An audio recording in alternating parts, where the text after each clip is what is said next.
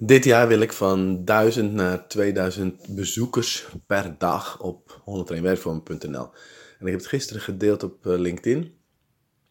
Wat is er aan de hand?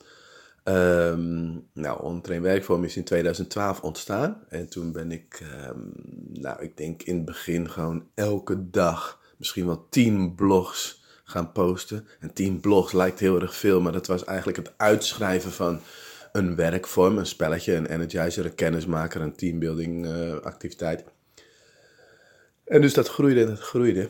En um, nu, na een aantal jaren dat ik die website een beetje versloft heb, heb ik uh, door uh, drie mensen, door drie SEO, SEO, Search Engine Optimization specialisten, heb ik ernaar laten kijken. Jessie van Loon, Robert-Jan Hendricks Martijn van der Pas. En zij hebben adviezen gegeven. Eigenlijk deed ik vijf dingen goed. En um, die vijf dingen zijn in het kort. Nou, die website is gewoon een, een, een niche. Oftewel, er is weinig concurrentie. Er wordt wel op gezocht, maar het is, het is echt iets specifieks. Het tweede is, wat ik goed deed, is heel veel content, wat ik net noemde. Het derde was, uh, ik gaf de content tags. Uh, tags van die, uh, eigenlijk een vlaggetje, zodat je zo'n ja, tag cloud kan maken, zo'n woordenwolk. En waardoor het weer makkelijker is voor mensen om te navigeren.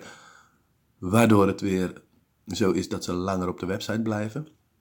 Het vierde wat ik goed deed was um, uitlokken van reacties. Dus dat er daadwerkelijk interactie is op de website. Het wordt gewaardeerd. En keywords, oftewel woorden zoals energizers, um, teambuilding activiteiten die regelmatig gebruiken. En ik sta geloof ik met een stuk of 150 combinaties van woorden sta ik op nummer 1 in Google. Dus dat is fantastisch. Pardon. Alleen ik had het idee dat er veel meer uit te halen valt. En uh, ik heb nu um, naast die vijf dingen die ik goed deed, nog een stuk of 30 tips gekregen. Echt bizar. En um, zij zeiden ook van Hugo, als je dit gaat doen, dan kans dat het bezoekersaantallen gaat verdubbelen. Ik zeg verdubbelen? Dat kan haast niet. Dat kan haast niet. En um, ja, weet je, ze hebben het laten zien. Dus betekent, ik ga dat doen dit jaar. Uh, daarvoor moet ik wel eerst mijn website helemaal op de schop gooien naar een ander WordPress thema. Ik zit nu op Optimize Press en dat wordt dan Thrive Theme. En uh, dan heb ik gewoon wat beter en wat meer mogelijkheden. En um, ja, dat, uh, dat gaat gebeuren. Nou, dat betekent ook weer dat ik iemand uh, inhuur om, om me daarbij te helpen. Die dan meer het, het lopende bandwerk doet. Want er moeten heel veel pagina's ja, aangepast worden. Eigenlijk gekopieerd worden. Want tegenwoordig met die drag-and-drop systemen als je dan een ander thema neemt, dan valt heel die pagina in elkaar en zie je alleen nog maar codes. Dus dan moet je die pagina weer helemaal opnieuw bouwen. Maar ik heb het dan over, nou, ik denk wel 300 pagina's of zo. Dus het is echt ongelooflijk veel. En, um, nou ja, goed, dat betekent dus uh, dat er uh, heel veel werk aan de winkel is. Maar met het vooruitzicht dat straks twee keer zoveel bezoekers uh, komen. Dat betekent twee keer zoveel boeken verkocht, twee keer zoveel e-books verkocht, twee keer zoveel online trainingen verkocht, twee keer zoveel in-company aanvragen, twee keer zoveel mensen die mijn workshops in potentie dus uh, gaan volgen. Dus dat is cool.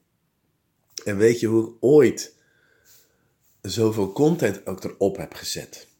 Dat is ook iets wat ik je echt mee wil geven. En dat is, vanochtend zat ik te denken, oké, het is nu 29 januari, betekent nog drie keer deze podcast. Want ik had gezegd, in januari doe ik elke dag een podcast. Maar ik heb ook niet zoiets van, nou, ik ga dit mijn hele leven elke dag blijven doen.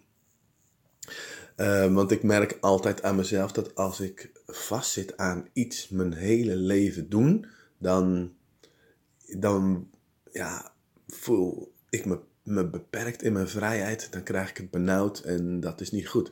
Maar waar ik wel goed in ben, is me vastbijten in een bepaalde periode iets doen. En zo heb ik dat met 101 werkvormen ook gedaan. Ik weet nog dat het toen ergens september was, 2012. En dat ik uitgerekend had, het is nog 100 dagen 2012. Dus ik ga vanaf nu, had ik ook getwitterd toen nog, elke dag een werkvorm posten. En dat lukte prima. Dus elke dag een werkvorm. En soms schreef ik er een paar en dan plande ik dat van tevoren in. Zo van, nou, dan hoef ik morgen niks te doen en overmorgen en die dag daarna hoef ik niks te doen. En dan gaat het automatisch gepubliceerd worden. Tot ik op een gegeven moment s'avonds, wat ik nu ook wel eens met die podcast heb, s'avonds dat ik denk, oh, ik heb nog geen podcast gemaakt. Toen was het, oh, ik heb nog geen blog gemaakt. En wat moest ik dan doen van mezelf? Die laptop openklappen en die werkvorm eruit persen. Want, immers, ik had het gezegd op Twitter. Ik had het verteld aan de wereld. Honderd dagen lang post ik elke dag een werkvorm. En dat ging goed. Tot en met, nou, het was 30 december, dus ik moest er nog twee. En ik had echt zoiets van, ik ben leeg, ik ben op, ik weet het niet meer. Het is echt, oh, ik wist het gewoon echt niet meer. En ik zat een beetje te dralen, een beetje rond te lopen en te kijken van, oké, hoe ga ik dit oplossen?